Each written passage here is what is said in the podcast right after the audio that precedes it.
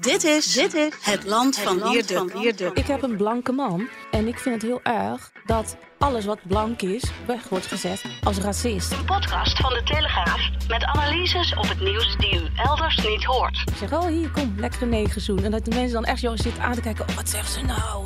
Ja, maar ik ben toch ook een neger? En hoezo mogen we geen neger meer zeggen? Wat ben ik dan? Ik ben ook niet een uh, Scandinaviër of weet ik veel. Uh, wat moet ik dan zeggen? Met Wierduk. Ja, goedemiddag, ochtend, avond. Uh, luisteraars, niet met Roer den Outer. deze podcast, maar is een extra of speciale podcast die ik modereer, Wierduk. En we hebben een gast. En de gast is Raffi Blom. Raffi komt heel ver uit de provincie, ergens diep in Nederland. Het gebied dat wij zo slecht kennen en waar de de kloof zo uh, pregnant is. Waarom Raffi? Omdat zij een uh, interessant verhaal uh, heeft. Zij is ooit samen met haar zus uit Haiti naar Nederland gekomen, althans geadopteerd. Is toen in landelijk Nederland terechtgekomen bij een christelijk gezin, voor zover ik weet. Je hebt nu een gezin met kinderen. Klopt. Je man heeft een bedrijf. Klopt. Ergens in het oosten van het land. Nou ja, oosten, midden-oosten van het land. Niet ja. oosten, hè? Gelderland. Ja, nou, dat zien wij hier in? Amsterdam als gewoon, het is al bijna eh, Polen. en eh, ik heb jou eerder in de krant gehad in een verhaal over ehm, mensen van kleur, zoals het tegenwoordig heet, Mhm. die zich niet konden vinden in die, eh, laten we zeggen, wat radicale retoriek die door partijen als B1, maar ook door anderen eh, wordt gebezigd als het gaat om racisme, discriminatie en ook het Nederlandse slavernijverleden. Dus je hebt je daar toen eh, over uitgesproken. En toen dacht ik, nou kunnen we eens eh, in een podcast wat verder op ingaan. Maar laten we eerst eens eh, de vraag stellen naar die adoptie. Omdat hè, in Nederland is het verhaal over adoptie het, wel veranderd de afgelopen jaren. Vroeger werd het toch vaak gezien als een soort daad van menselijkheid en zo. En sinds er allerlei verhalen naar buiten zijn gekomen over adoptiekinderen die het daar heel erg moeilijk mee hebben gehad, is dat verhaal ook wel veranderd. En boven, er zit zelfs nu een stop op eh, adoptie uit bepaalde eh, gebieden. En hoe is het bij jullie destijds gegaan? Wat, is, wat speelde er waardoor jullie uit eh, Haiti, wat inderdaad niet bekend staat als een van de meest fijne landen ter wereld, helemaal niet zelfs, Mhm. dat jullie uit Haiti zijn eh, opgehaald eigenlijk? Of uit Haiti zijn gekomen? En hoe ging dat? Ehm, nou, ik, ik, ik was samen met nog ehm, twee broertjes en een zusje. Woonden wij in een sloppenwijk. En eh, mijn vader was al overleden. En mijn moeder, die had TBC. Die zat eigenlijk eh, ja, weg te kwijnen daar, ergens. In, eh, Hoe oud was jouw moeder toen? nog geen 29. Ja, en wij zaten daar gewoon en we hadden geen idee hoe of wat. En op een gegeven moment kwam daar een hulpverlener van Stichting Hart voor Haiti, zoals dat heet Mhm. toen de tijd. En die vond de situatie zo schrijnend. En dat hij dus eh, met mijn moeder eh, over had van... Goh, eh, hoe lang heb je nog? Nou, dat wist ze dus niet. Maar wat ze wel wist was dat ze ons wel wilde afstaan voor adoptie. Want ze was te ziek, Ja, ze was, de arm. ja, ze, was te- ze had TBC. En ze, Mhm. ja, ze was, ze, ze was eigenlijk aan het verteren. Ja. En toen ehm, hebben ze ons meegenomen en mijn moeder naar het ziekenhuis gebracht. En wat ik weet is dat ze drie weken later is overleden. Zo. Ja, Hoe oud was jij toen? Ehm, zes. En je dan had ik nog broers en zusjes? eentje van vier, eentje van twee en een van nul. En er was- Ongelooflijk. Ja, en er was nog een meisje. Alleen die was op dat moment niet aanwezig eh, toen ze ons vonden. Eh, maar ik heb dat toen wel altijd als kind... Nog een aange- zusje? Ja, nog een zusje. Ik heb dat toen als kind altijd wel aangegeven, maar eh, die is nooit eh, gevonden. Dus je weet niet wat er met haar gebeurd Nee, is? ik heb geen idee. Nee. Nee, En jullie zijn door die hulporganisatie meegenomen naar, meegenomen? naar een kinderthuis.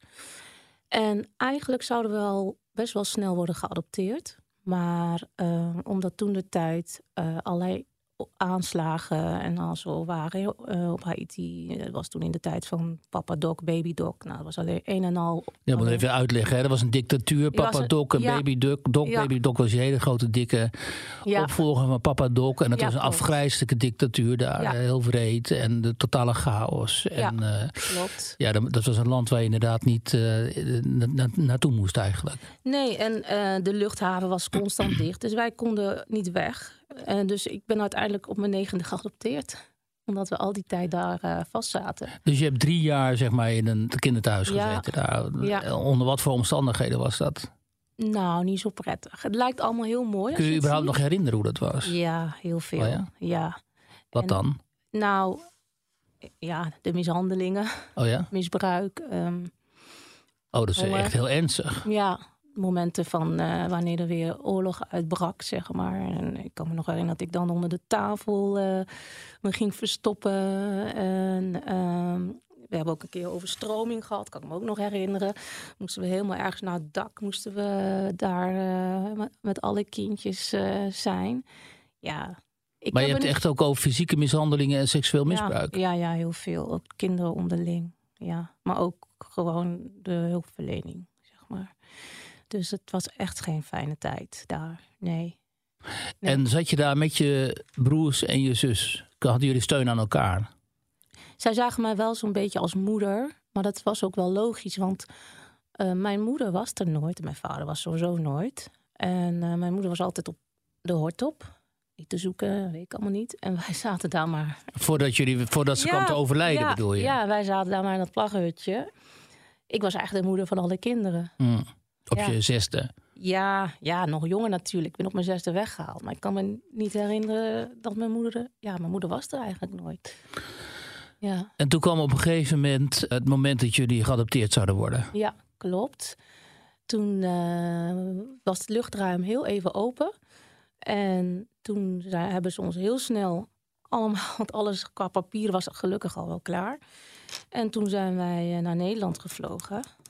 En uh, daar hebben ze, uh, waren twee gezinnen. Mijn broertjes gingen met het ene gezin mee. En mijn zusje en ik met het andere gezin. Op het vliegveld? Ja, daar, ja. Dus toen moesten jullie zeggen, uh, doei? Ja, ja, we hebben nog wel, nog wel met elkaar als familieleden zeg maar gezeten. Maar op een gegeven moment was gewoon twee met de een mee, twee met de ander mee. Hoe was dat? Ja, op het moment zelf heb je geen idee. Ik weet dat ik alles sowieso bizar vond.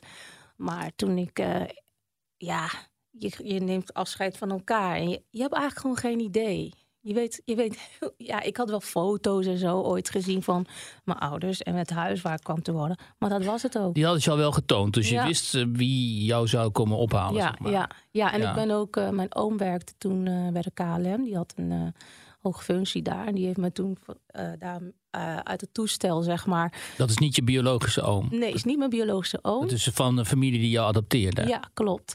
En die hebben ons toen meegenomen uh, naar mijn ouders, zeg maar. Die op ons staat te wachten. En ik kan me nog herinneren dat ik een hand mijn, mijn ene broertje had, aan de andere hand mijn andere broertje. En die begeleid had dan mijn zusje. En ik zag mijn ouders en ik wat ik weet is dat ik hen zag en dat ik helemaal begon te glunderen. Dat ik zei, mama, papa. Want ik wilde zo graag een mama en een papa. Oh ja? Ja, want dat had ik nooit. En weet je wat ook was? Ik zag, op wij waren de laatste die op het toestel meegingen naar Nederland. Maar er waren daar meer kinderen. En ik zag elke keer als de luchtruim even open ging, gingen weer een stel kinderen. En ik zat dan maar en ik dacht, wanneer ga ik, wanneer ga ik? En ik zat natuurlijk al heel lang te wachten, want ik wist al heel lang dat ik werd geadopteerd ja, dat was wel heel bizar, was dat gewoon. Maar zo überhaupt gewoon. Ik kwam echt uit, een, uit, het, uit niks. Dus ik kwam in een wereld terecht. Het was voor mij één grote, ja. Ja, beschrijf die wereld. Wie waren jouw adoptieouders en waar kwam je terecht? Ja, in Nijkerk mhm. kwam ik terecht. En zij hadden nog zelf nog twee uh, kinderen. Van, uh, even kijken, mijn broer was 16 en mijn uh, zus was 20. Ik weet dat ik in de auto zat en dat ik achterom keek naar die borden allemaal. En alle, alle ja, het was allemaal zo bizar. En uh, ja, toen kom je, kom je daar. En ja, ik heb heel lang, heb ik nog als een soort Mowgli geleefd. omdat, omdat ik gewoon niet gewend was om eh, genoeg eten te krijgen. Ik was niet gewend aan schoenen, allemaal dat soort dingen. Dus, wat, Dus? dus wat ik heel vaak deed was bijvoorbeeld, ik ging de prullenbakken, ging ik eh, naar eten zoeken. Oh ja. Ja, ik dacht dat ik geen eten kreeg. Kreeg je niet voldoende eten dan? Ja, dat dacht ik. Ehm, en als ik at, dan ging ik ook echt zo helemaal, helemaal zo met mijn bord helemaal beschermend en heel snel eten in de hoop dat niet iemand mijn eten zou pakken. En de taal natuurlijk, ik snapte er helemaal niks van. Want Dus je was verwilderd eigenlijk. ja, nou ja, dat klinkt wel heel eh, hard, maar ik was, wel, ik was wel een beetje een Mowgli. Ja, ja Maar zeker. daarmee bedoel je iemand die, niet, niet, nou ja, die gewend is aan slechte omstandigheden Ja. en ge- gewend is om te overleven ook. Ja, ook een wc bijvoorbeeld. Vond ik ook zoiets raars. Ik heb ook heel lang bijvoorbeeld niet in bed geslapen. Ging ik op de grond liggen. Oh ja, Ja, omdat ik dat heel raar vond, een bed. Ja, dat, dat je dacht niet. dit? Ja, dat snapte ik niet. Dus je ging gewoon op de vloer liggen? Ik ging gewoon, ja, mijn ouders vonden me dan de volgende ochtend op de grond. Oh. En, Ja. en je ouders, wie waren zij? Want zij, wat ik eerder zei in de intro, ze waren een christelijk gezin. Ja, ja. Christelijke ouders, eh, heel erg, eh, wilden heel graag dingen eh, doen voor God. En dit, dit was op hun hart gekomen dan, Mm. om ja, ons te adopteren. En ja, ze, ze hebben ons gewoon heel liefdevol eh, opgenomen in huis. Want ze werden ook echt je vader en moeder. Ja, ze werden echt, ik was wees gewoon. En wij waren wees. En, Mhm. Ehm, ja, mijn ouders eh, die deden ook hun best om contact te houden met, eh, mijn, eh, met mijn broertjes. Mhm. Dus die heb ik ook wel eens gezien en zo. Maar zij woonde in Nieuw-Schonebeek en ik woonde in Nijkerk. Dus Nu een Schonebeek in. Drenthe. Ja, ja. Ja. En, en zij komen uit een totaal andere gezin. Echt heel erg boers. En mijn ouders zijn heel goois. Want mijn ouders zijn, komen uit het gooi. En eh, dus dat was Waren je ouders hoog opgeleid? ja, ja, zeker. Ja. Mijn vader was eh, ingenieur, was die. En mijn moeder, die had ook een baan, maar die eh, is toen met de baan gestopt toen wij werden geadopteerd. Omdat daar, ja, het kost best, best wel veel tijd en aandacht. Want je kwam met je zus en een broertje bij hen te wonen. Of alleen met je Nee, zus? nee, ik kwam met mijn zusje van Ja, twee. Ja. En mijn twee broertjes, die gingen in Die gingen naar Nieuw-Schonebeek. Ja, die gingen naar Ja. Nieuw-Schonebeek, ja. ja. En dat was een blank gezin. Ja, klopt. Ja, heel eh, christelijk. en heel christelijk. Ja, En jullie zijn donker. ja. Leidde dat tot eh, misverstanden of tot eh Ja, dat- situaties? ja, ik kwam sowieso op mijn negende in groep drie terecht op school. En ik Oh. ook nog bijles. Op je negende hoor je in groep zes. Ja, maar ik Ja. kwam dus in groep drie, want ik was nog nooit naar school geweest. Ik Dus je kon niet lezen en schrijven. niks. Nee. Ik weet wel dat mijn ouders zeiden dat ik na drie weken kon zingen Nederland, oh Nederland, jij bent de kampioen. want ik ben in, ja, want ik ben in, even kijken, 88 geloof ik. Want toen was, eh, had Nederland, eh weet Je bent Europees kampioen. ja, precies.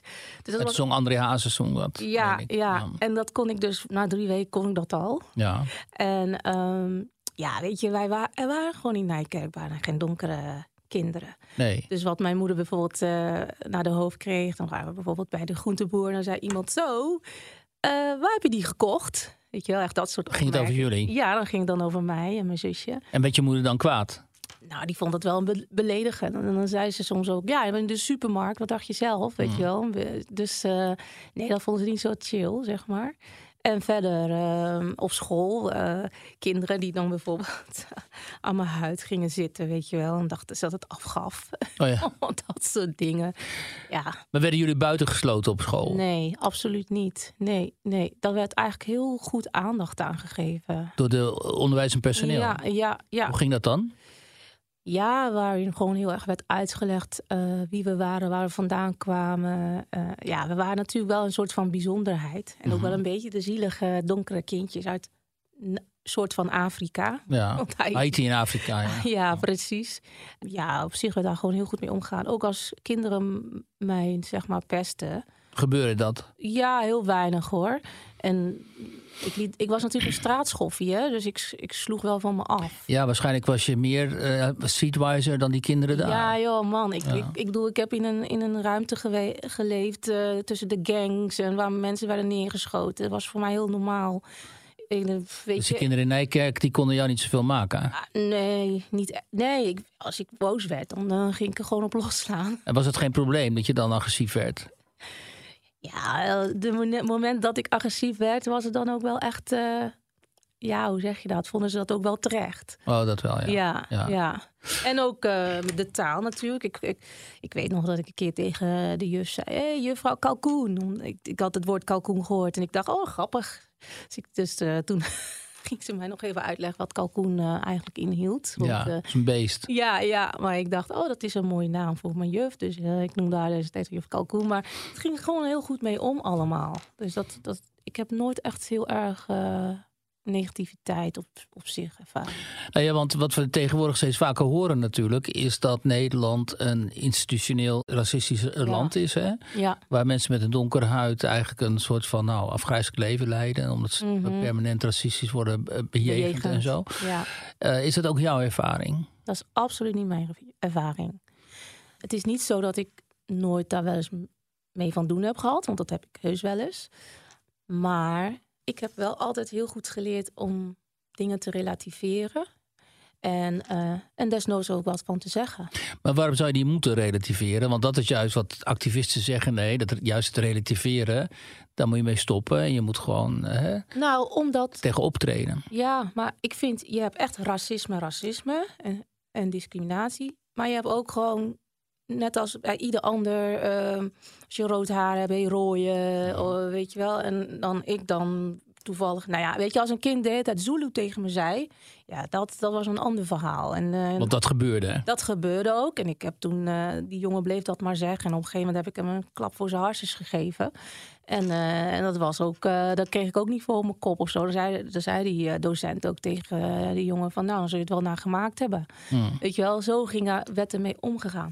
Maar ja, ik maakte zelf ook keiharde grappen. Dus ik heb het nooit zo, ja... Heel, ik, ik weet dat er dan heel veel werd gezegd van ja, je, je gedraagt je te wit. En het komt dat je in een witte omgeving bent opgegroeid en dan merk je dat allemaal niet meer.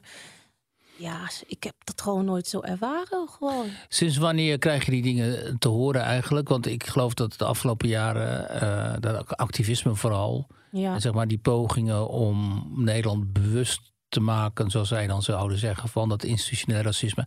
Dat, eh, die zijn natuurlijk nu veel, die, die pogingen zijn nu natuurlijk veel meer, eh, veel duidelijker en veel ook eh, pregnanter.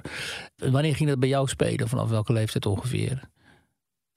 Bij mij kwam het, ik, kwam het eigenlijk pas toen ik eh, ging vliegen bij de KLM. Want je werd stewardess. Ja, als stewardess. En daar kwam ik eigenlijk voor het eerst mee in aanraking dat andere donkere mensen echt tegen mij eh, zeiden van eh, ja, je bent echt veel te wit en je praat te wit. Dat waren collega's van je. Ja, ja, ja. En, en eh, ja, zie je dan niet dat je, dat je wordt gediscrimineerd? Hoezo heb je dat niet in de gaten? Maar ja, je bent geadopteerd, dus ook wel logisch. Dan denk je dat je wit bent. Dat ik echt dacht van, hoe dan?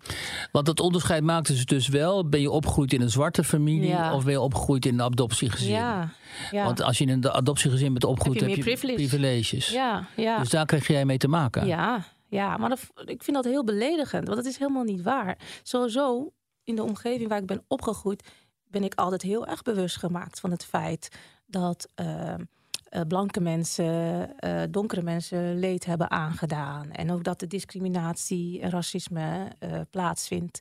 Dat daar ben ik altijd van bewust gemaakt. Alleen ehm, de manier hoe er nu mee wordt omgegaan, ik vind dat gewoon te extreem.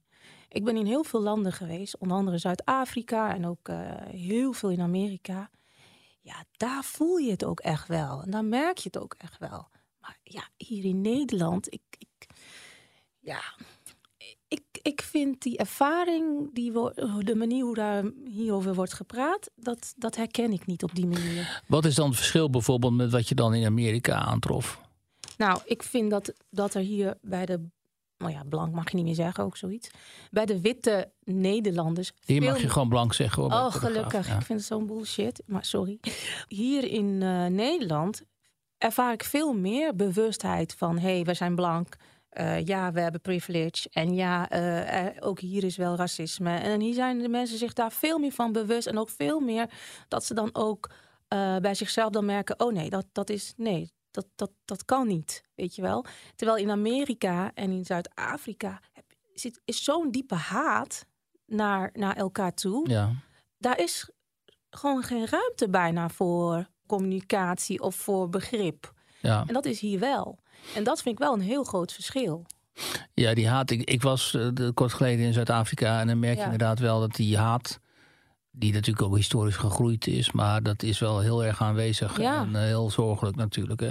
Ja. Er is vaak helemaal geen, eh, geen eh, gesprek meer mogelijk. Maar ook naar blanken toe hoor. Ja, dat bedoel ik. Ja, Van, want ja. als ik, zeker als ik in Zuid-Afrika was, dan, en ik was dan met een blanke collega, dan werd ik bijvoorbeeld wel goed behandeld en mijn blanke collega bijvoorbeeld niet. Of Mhm. die kreeg dan nare blikken of wat dan ook. Want dat, dat, dat soort dingen heb ik wel Ja, meegemaakt. Ja. ja zeker wel. ja, klopt wel, ja. Ja. En ehm jij bent dus eh, stewardess geworden eh, eh, uiteindelijk. Mhm. En ho- hoe lang heb je dat gedaan? Eh, even denken, bij de KLM heb ik 13 jaar, eh, ben ik al 13 jaar stewardess geweest. En Martina heb ik ook nog gewerkt, een jaar. Ja, zomers, zo'n zomerstewardess, zeg maar. Ja. Ja, En uiteindelijk toch weer ter- eh, teruggekomen daar in ehm, zeg maar de regio waar je ook eh, bent opgegroeid. ja, ik heb ook even in Amsterdam gewoond, in de Belmer. Dat was voor mij wel even een openbaring. Ja, vertel. ja, want ik ben natuurlijk best wel gewend om in een omgeving te leven met vooral blanken.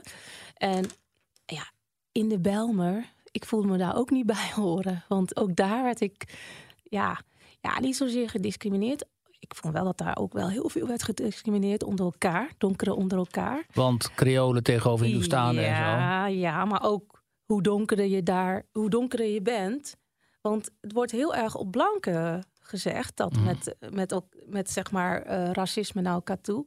Dat blanke, zwarte discrimineren. Ja, blanke zwarte discrimineren. Maar onderling wordt ook goed eh, gediscrimineerd. Hoe ziet dat eruit dan? Want ik weet dat uh, Creolen en Hindoestanen, dat die, eh, nou, die hebben vaak problemen met elkaar en zo. Mhm. Maar eh, er zijn nog meer gradaties kennelijk. Ja, ja, ik heb een keer meegemaakt, zat ik in de metro, was een heel donker meisje. En die werd gewoon door eh, schoolgenootjes eh, werd ze gewoon gepest. Hé hey Ja. Zulu, hé hey, zwarte, lelijke, je bent lelijk. Door donkere ja, die dan lichtere, Ja. dan wat lichtere. Eh, Hoe lichter je bent, hoe hoger ja. je staat op de, in de Ja. hiërarchie. ja, ja. Ja. En ook, eh eh ja, wonen natuurlijk ook heel veel Afrikanen in de Belmer. En, Genezen vooral. Hè? Ja, vooral. En dan zei ze, ja, je moet meer foefoe eten. Je bent veel te dun en je moet wat dikker worden. Oh, tegen jou? Ja, zei ze al tegen mij. En ik wist, ik wist helemaal niet wat foefoe was. En ik dacht, foefoe. En dan zei ja, ja, je moet meer Afrikaans eten. En uh, ja. Maar dat vind ik geen discriminatie. Dat is meer Nee. van uh, het, het beeld niet. dat zij hebben hoe Ja. vrouwen eruit moeten zien. Ja, Maar ehm, denk jij dan dat in het hele discriminatieverhaal in Nederland... dat er ook aan dat type discriminatie eh, aandacht zou moeten worden gegeven... als je dat op een eerlijke manier wilt eh, behandelen? bedoel je onderling. En nou, de dat, kijk, de, de discriminatie in Nederland in het verhaal dat we nu kennen... is natuurlijk vooral de Nederlandse... Dit is, Ja. dit is even een hele sturende vraag, hè? daar ben ik Mhm. me van bewust. Mhm. Maar dat vooral de Nederlandse oudere blanke man, dus zeg maar Ja, ik, is racistisch. Eigenlijk Ja. inherent, wordt zo geboren, is zijn hele leven lang racistisch. De witte en man. de witte man. En buiten die witte gemeenschap, ja, dat zijn allemaal slachtoffers. Dus jij bent ook slachtoffer. En eh, die, daar vindt eigenlijk geen discriminatie onderling plaats. Nee, dat is een soort waar. diffuse groep. Jouw identiteit is, je bent donker, je bent vrouw, dus je bent slachtoffer. En je zult nooit slachtoffer worden van discriminatie binnen die groep. Nee, dat is niet waar. Nee hoor, absoluut niet. Ik vind het heel vervelend als ik eh, vaak word aangesproken ehm, door donkeren over het feit dat ik te netjes praat of, eh, of eh, dat ik hun taal niet spreek en dat ik me zogenaamd zou schamen. Dat soort dingen, terwijl ik je hele taal niet ken. Dat is dan straattaal of zo. ja, of ja, meer, of eh, dat ze, dat ze dan denken dat ik eh, Surinaams ben of Antilliaans. En, dat En dan moet je meer Surinaamse woorden gebruiken. ja, en dan zeg ik, ja, maar ik kom er niet eens vandaan. Dus Ja. hoe moet ik dat kennen dan? Weet je wel? Of, eh, ehm, ja, of ik heb dan ook een blanke man en mijn kindje is een halfbloed.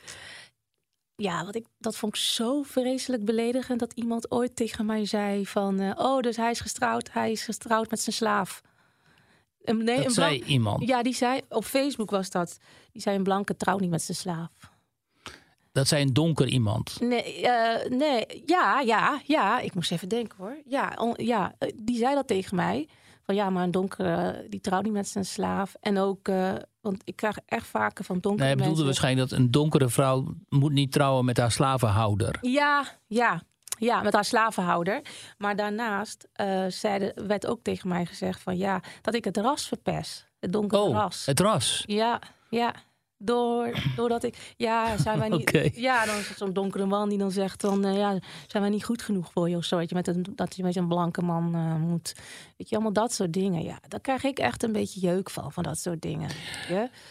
Je had net zo goed met een donkere man kunnen trouwen. Mhm. Ja, maar donk- donkere mannen vallen sowieso niet op me, maar dat ze terzijde, maar ehm, Zit daar een dis discriminatoren reden achter dat ze niet op jou zouden vallen, donkere mannen? nou ja, ik heb geen idee, ik denk omdat ze me denk ik inderdaad te wit vinden. Grappig is denk dat. ik? Ik weet Ja. het niet. Ik, eh, ik, eh, ik krijg meer aandacht van blanke eh, mannen dan. en dat is eigenlijk altijd zo geweest. En je hebt dus gemengde kinderen, vroeger Ja. noemde het halfbloed. Ja, En merk je daar aan hun dat, zij op dat er op een bepaalde manier naar hen gekeken wordt? nee, absoluut niet. Op de school ook niet. Nee. En ik kom echt, echt uit een boerdorp. Ja.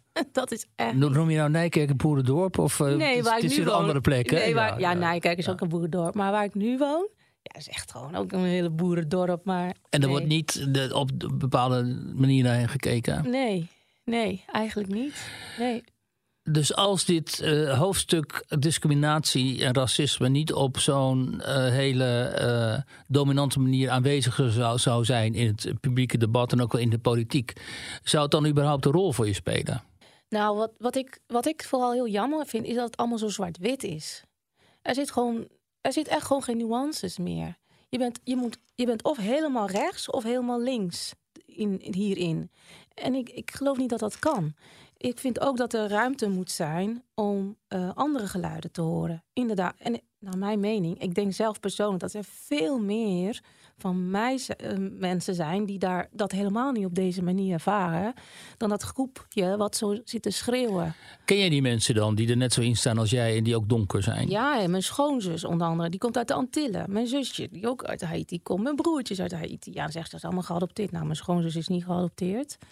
Ook mensen eh, die ik online spreek, bijvoorbeeld op Twitter. Die dan ook echt wel... Ik vond dat na dat interview dat we hadden gegeven, mijn zusje en ik... We hebben zoveel reacties daarop gehad. Ook van donkere mensen die zeiden... Hè, hè, eindelijk is een keer een ander geluid. Oh ja? Wij ervaren dit ook niet zo. Nee. En ik merk, weet je wat ik ook merk? Is sinds dit zo erg speelt, dat daar zo de nadruk op wordt gelegd over mensen van kleur en weet ik het allemaal niet. Nu pas en merk ik het veel meer dan toen het helemaal niet zo op deze manier werd gebracht. Ja, dat bedoelde ik te zeggen. Nu, Ja. nu voel je je meer donkerder Ja, of donkerder dan destijds. ja. En ook dan weet je wel dat je dan eh, met, met ja, wij vieren ook Sinterklaas. Oh, dat is helemaal fout. Met Zwarte Piet zeker. Mhm. Ja, dat is helemaal fout natuurlijk. En dan ben ik daar en dan heb ik de grootste lol met mijn kinderen. En dan zie je soms een beetje ongemak. Bij wie? Ja, ook bij de gesminkte mensen zelf. Die dan, eh, ja, weet je, dan maak ik zo'n grap van... Ah, hier is nog een Pietje, weet je wel. En dan, oh, dat kan niet, hè. Dat kan absoluut Nee. niet. Dat soort dingen. Maar ja, je Maar wat zeg je dan als dan zwarte mensen jou bekritiseren en zeggen: joh, dat Sinterklaasfeest met Zwarte Piet, dat kan echt niet. Ga, hou er eens mee op. Ja, dan zeg ik, nou ja, als jij dat zo ervaart, dat is prima. Maar ik heb hier altijd heel, met heel veel plezier hebben wij dit gedaan. En, en ja, kijk, de karikatuur Zwarte Piet met, met eh gouden oorbellen, rode lippen, helemaal zwart, ben ik ook niet zo van, eerlijk gezegd. En als dat allemaal kleurenpietjes zijn, vind ik het ook prima. Maar wat mij betreft hoeft dat hele eh, traditie wat betreft zwart, eh, zeg maar Sinterklaas hoeft van mij niet weg. Want dat is wel wat er nu wordt geschreeuwd. Ze willen dat het gewoon helemaal weg Ja. Ik zou het heel jammer vinden. Mijn kinderen vinden het echt prachtig. En eh, ja, ik, ik, ik ervaar dat niet op deze manier, dat dat zo... Ik, ik zou gewoon willen dat er wat luchtiger met dingen worden omgegaan. Het is Dus het kick-out Zwarte Piet en zo, dat is niks Oh. voor jou. Nee, nee. En jouw kinderen vieren gewoon Sinterklaas als een leuk kinderfeest. Ja, ja, Hebben ze het ooit over Zwarte Piet gehad? nee. Dat ze dat problematisch zouden vinden? Of, Nee, eh, nee, nee, absoluut niet. Nee, en ze worden ook niet daarvoor uitgemaakt. Nou Ja, dan moet ik wel zeggen dat mijn kinderen heel licht zijn. Maar ik word er ook niet voor uitgemaakt, voor Zwarte Piet. nee. En ik, ik, ik zag zelfs laatst, eh, was ik in Nijmegen. Toen eh, was ik op een, eh, op een, fe- op een, Zwarte Pieten Sinterklaasfeest. En er was een, een donker jongen, ik denk dat hij een jaar of 15 was, 16. En die was verkleed als Piet. En die had zich niet gesminkt, niks. Het was gewoon Piet. Ja. Ik vond het eigenlijk wel lachwekkend. ja. Hoe zie je de toekomst eigenlijk voor je kinderen ook? Omdat hè, het debat is natuurlijk heel erg gepolariseerd. Ja, Eh. Zwarte Piet is in heel veel gemeentes eh, verbannen. ja. Hè, onder druk van die kleine groep eh, activisten eigenlijk. Nou, in mijn dorp werd dus helemaal geen Sinterklaasfeest gevierd, hè? Vanwege dit. Oh ja? Ja, er was daar zo... ehm, ja, want zij wilden Zwarte Pieten. Wie zijn zij? De bevolking? Ja, ja. ja, dat, dat comité, zeg maar, in Druten. Die wilde gewoon Zwarte Pieten. Maar eh, vanwege het hele gebeuren qua... Ja, mag natuurlijk ook weer niet zeggen dat woke is, woke en zo. Dat mag je wel zeggen. Oh, oké. Ja. Nou, dat, dat, eh, dat mocht dus niet. Dus er is geen, geen intocht Nee, geweest? in- nee, dus ik ben naar een andere... ik ben gewoon naar een andere plaats gegaan met Oh, mijn ja? kinderen. Ja, ja. ja. Zover gaat dat dan? Zo ver gaat het, Ja. ja. Ze Ja. laten gemeentes of het kan een comité de oren hangen naar. Ja, eh, vonden ze later wel jammer hoor. Dat dat, eh, want er waren heel veel mensen die waren daar heel erg boos over. ja, natuurlijk. Zeg, en de toekomst, hè, hoe kijk jij daarnaar? Want nou ja, je hebt dus gemeende kinderen en Ja. het debat wordt er niet vrolijker op. Nee, Het zeker is niet. heel erg gepolariseerd. Stemmen zoals die van jou en mensen zoals jij, die Mhm. zijn gemarginaliseerd vaak. Ja. Ben je van plan om misschien zelf wat vaker van je te laten horen? Of met anderen samen? Of, eh, hoe, ja, hoe maar dat doe ik al. Ik heb me altijd laten horen. Weet je wat het is? Ik, ik heb een blanke man en een blanke familieleden. En ik vind het heel erg dat alles wat blank is, weg wordt gezet als racist. Mhm. Dat is gewoon absoluut niet zo, weet je? Is jouw man overduidelijk niet, anders was hij niet met je getrouwd. Nee, nee, Ja. dat sowieso, eh, weet je wel. En, eh, maar ook dat geldt ook voor, voor, voor mijn familieleden. Eh, ik, ik, ik voel me altijd heel welkom. Ik vind Nederlanders zijn hartelijke mensen. Zijn, ik ken geen land wat zo tolerant is als Nederland. Maar ik denk dat we het nu helemaal kapot maken, doordat het zo extreem is nu. Je moet iemand van kleur en vrouw aannemen. Weet je, allemaal dat soort dingen. Het is, het, zit, het is zo geforceerd. En zodra dingen geforceerd zijn, dan krijg je een soort van eh, weerstand.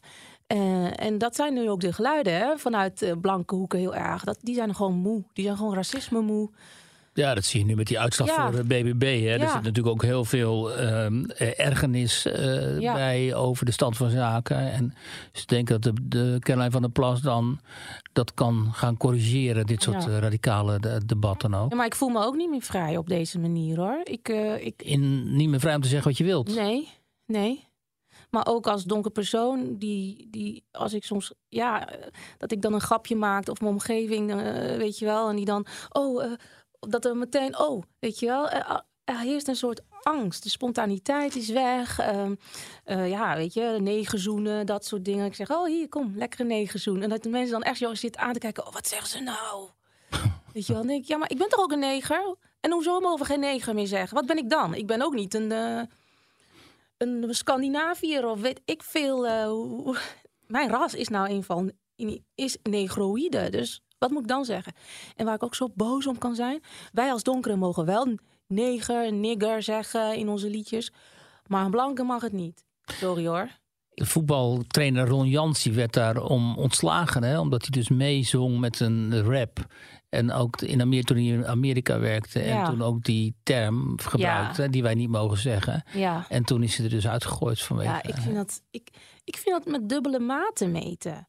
Ja, Want eh, vanuit, vanuit de donkere mens wordt gezegd... ja, nigger, neger, dat is echt beledigend. Want eh, tijdens de slavernij hè, werd dat ook zo allemaal genoemd, nigger. En dat was gewoon een minachtend, Mhm. minachting. Maar vervolgens ga je het zelf wel eh, zelf zeggen. En dan zeg je, ja, maar het is een geuzennaam. En, Ja, sorry hoor, dat gaat er bij mij niet in hoor. En als dan een blanke het zegt, dan is het, dan is het foute boel. discriminerend. Dan ja. is het discriminerend Ja, je gaat het ook echt niet tegen mij zeggen hoor, nigger of wat dan ook. Als je dat tegen mij gaat zeggen, pff, nee, nee. ja, ook vreemd dat de taal sowieso zo kwetsend kan zijn voor eh, zoveel mensen. Afrondend, hoe kijk je nou terug op die adoptie hè, en je bestaan hier in Nederland? Want je bent natuurlijk vanuit de grote eigenlijk destijds, Ja. zo omschrijf je het zelf, Ja, klopt. in dit land terechtgekomen. Ja, En je hebt die prima gedaan. Het is uiteindelijk Mhm. een succes geweest. Heb je ook altijd goed contact gehouden met je adoptieouders? ja, we hebben wel zo onze struggles gehad. En ik ben zelf niet zo pro-adoptie. Ik vind het heel traumatiserend, namelijk adoptie. Is dat het voor jullie ook geweest? Ja, voor mij zeker. Ik kan niet voor mijn eh, broertjes en zusjes praten. Ehm, maar ik was natuurlijk negen, hè. Ik, ik, had al, ik had al hele... Ik had al zoveel eh, al meegemaakt. En eh, ik, ik hoop dat nu, als kinderen worden geadopteerd... dat ouders betere begeleiding krijgen dan mijn ouders. Want in welke zin is het traumatiserend geweest dan? Nou, alleen al het feit dat je gewoon... Je hebt geen idee waar je naartoe gaat. Je weet niet hoe die mensen zijn. Je komt daar maar. Je, je moet maar op hoop van zegen dat het echt leuke, lieve mensen zijn. Het is gewoon een cultuurshock voor mij geweest. En daarnaast was het zo, mijn ouders dachten met, dat ze alles met, met liefde eh, en geloof konden, eigenlijk konden oplossen. En met liefde, je kunt ook heel veel met liefde oplossen. Maar als ik naar mezelf kijk, met mij was er best wel het een en ander aan, aan de hand. Ik had wel het een en ander aan traumatjes uh, opgelopen. En uh, ja, daar, ik was daardoor ook wel op een gegeven moment helemaal een beetje de kluts kwijt. Ja, dat uitte zich pas op latere leeftijd ja, of zo. Op veel latere leeftijd. Ja. Was na jouw carrière als stewardess? Nee, nee, al veel eerder. Ik, ik denk dat ik vanaf mijn achttiende begon te stuiteren. Dat ik het uh, toen allemaal. Uh, ik ben toen ook terug geweest naar Haiti. Ik dacht dat ik daar antwoorden zou, zou vinden. Uh, op en welke vragen dan? Van wie ben ik? mijn roots, misschien mijn zusje. Maar het ene zusje dat. ja, bij, dat ik ja. die nog terug zou vinden mm -hmm. of zo. Wat ook heel bizar is. Ik, toen ik ben, ben geboren, ik heb nooit een identiteit gehad. Ik kreeg pas een identiteit toen ik het in een kinderthuis kwam. Mijn geboortedag gewoon verzonnen. 1 januari van iets of zo. 21 juni, mm. zomer. um, mijn leeftijd is geschat. Allemaal dat soort dingen. Want ik had geen geboortecertificaat. Dus ik, ik bestond gewoon niet. Dus misschien ben je wel jonger of ouder? Ik ben sowieso jonger. Dat is me toen ook gezegd. Toen ik daar uh, naartoe was gegaan en al mijn vragen had gesteld. Ja, er waren zoveel dingen waar ik vragen over had. En ook inderdaad over mijn zusje. Nou, dat, dat kon, konden ze me niks over vertellen. Ja, we hebben maar vier kinderen gevonden, geen vijf. Hmm. Weet je wel, allemaal dat soort dingen. Maar ook daar op Haiti zeiden ze ook tegen mij, de, de, de mensen daar, van ja, ga, ga lekker terug naar je blanke ouders. Je hoort hier niet. Uh, je bent uh, veel te blank. Dus ja, weet je wat voor crisis je dan krijgt? Als je dan, je bent dan 18 jaar. Ik ben daar toen drie, vier maanden geweest. Heb ik stage gelopen. Nou, dat had me niet gebracht waar ik naar zocht. Ik kwam nog meer in de war thuis dan dat ik erheen ging. Ja. Ja. Nog meer ontworteld of zo? Ja, ja, ik wist het gewoon echt niet. Weet je, ik, omdat je en je ouders kwijt bent. En mijn broers en zusjes, die weten, weten minder dan ik. Want die, die hebben echt alles geblokt. En Mhm. ik weet alles nog heel vers, hè. Mhm. Dus die konden mij ook niet helpen. Waar ik bijvoorbeeld heel erg met hun over heb gehad, is onder andere die mishandelingen. En, en ook spullen die vanuit Nederland of andere landen naar het kinderthuis uh, werden gebracht voor de kinderen. Die werden gewoon gejat Mhm. door de hulpverlening daar. Allemaal dat soort dingen. Dat heb ik wel allemaal aangekaart. Maar uh, ja, ze herkenden het niet. Nee, nee. Maar goed, maar je bent nu ouder, hè? je bent geen 18 meer. Hoe zou je nu, wat is nu jouw identiteit? Als we het in, in deze tijd van identi- identiteitsdenken, als ik, als ik die vraag eh, mag stellen. Ja, ik, ik heb heel lang mijn identiteit af laten hangen aan mijn ouders, aan mijn familie. En ook heel erg, want dat is een beetje, dat vind ik wel een beetje een, een, ja, een fout, vind ik een beetje te groot woord. Dat mijn ouders bijvoorbeeld ehm, te veel, te weinig rekening mee hebben gehad dat ik, dat ik niet uit hun kom. En dat ik toch een totaal ander kind ben met andere roots, andere karaktereigenschappen. Uh, ik ben bijvoorbeeld heel erg outgoing, heel erg. Uh, en uh, mijn ouders zijn veel meer gereserveerd en uh, mijn broer ook. En dat botste ook heel erg, dat soort dingen. En um, daardoor had ik ook heel vaak gedacht van ja, maar jullie zijn mijn vader en moeder wel, maar ook weer niet. Ik weet niet op wie ik lijk en uh, ik herken niks. En uh, ik heb heel veel therapie uh, gevolgd om uiteindelijk toch echt mezelf min of meer te vinden. En dat levert dan ook wel wat op? Zeker, ja. Ja, absoluut. En nu ja. ben je wat? Het Nederlandse met Haitiaanse wortels of zo? Ja, Nederlands met Haitiaanse wortels, waar ik ontzettend trots op ben. Maar ik voel me wel nog meer Haitiaans dan Nederlands. Serieus? Ja. Ja. Ja, omdat dat, dat zit in mij. Dat is gewoon... Ja, Hmm. weet niet. Dus als Nederlands elftal tegen een vermeend Haitiaans voetbalelftal zou spelen, dan ben je voor Haiti. Ik denk toch stiekem voor Nederland. Want toch wel. Of Frankrijk. nou, daar, gaan we het, daar gaan we het helemaal niet over hebben. Dan Nee. eindigen, eindigen nu het gesprek. Ja. Nee. Nou, heel veel dank hiervoor. En ehm, voor alle inzichten die ongetwijfeld eh, ook heel veel luisteraars eh, interessant zullen vinden.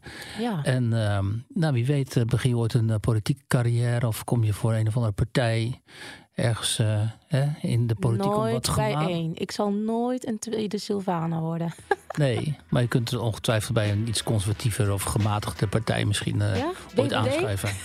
Nou ja, wie weet. Dan vertegenwoordig jij het, het donkere gedeelte van het platteland. Ja. Platteland is zo mooi, mensen. Dat is zeker zo. Oh, ja. Oké, Raffi Blom, dan heel veel dank hiervoor. En eh, we hopen dat de luisteraars hebben kunnen genieten van... nou ja, niet alleen genieten, maar ook interessant hebben gevonden... wat jij hier eh, te vertellen had. Ik hoop het. Ik denk het zeker. Dankjewel Dankjewel. dat ik er mag zijn. Dankjewel.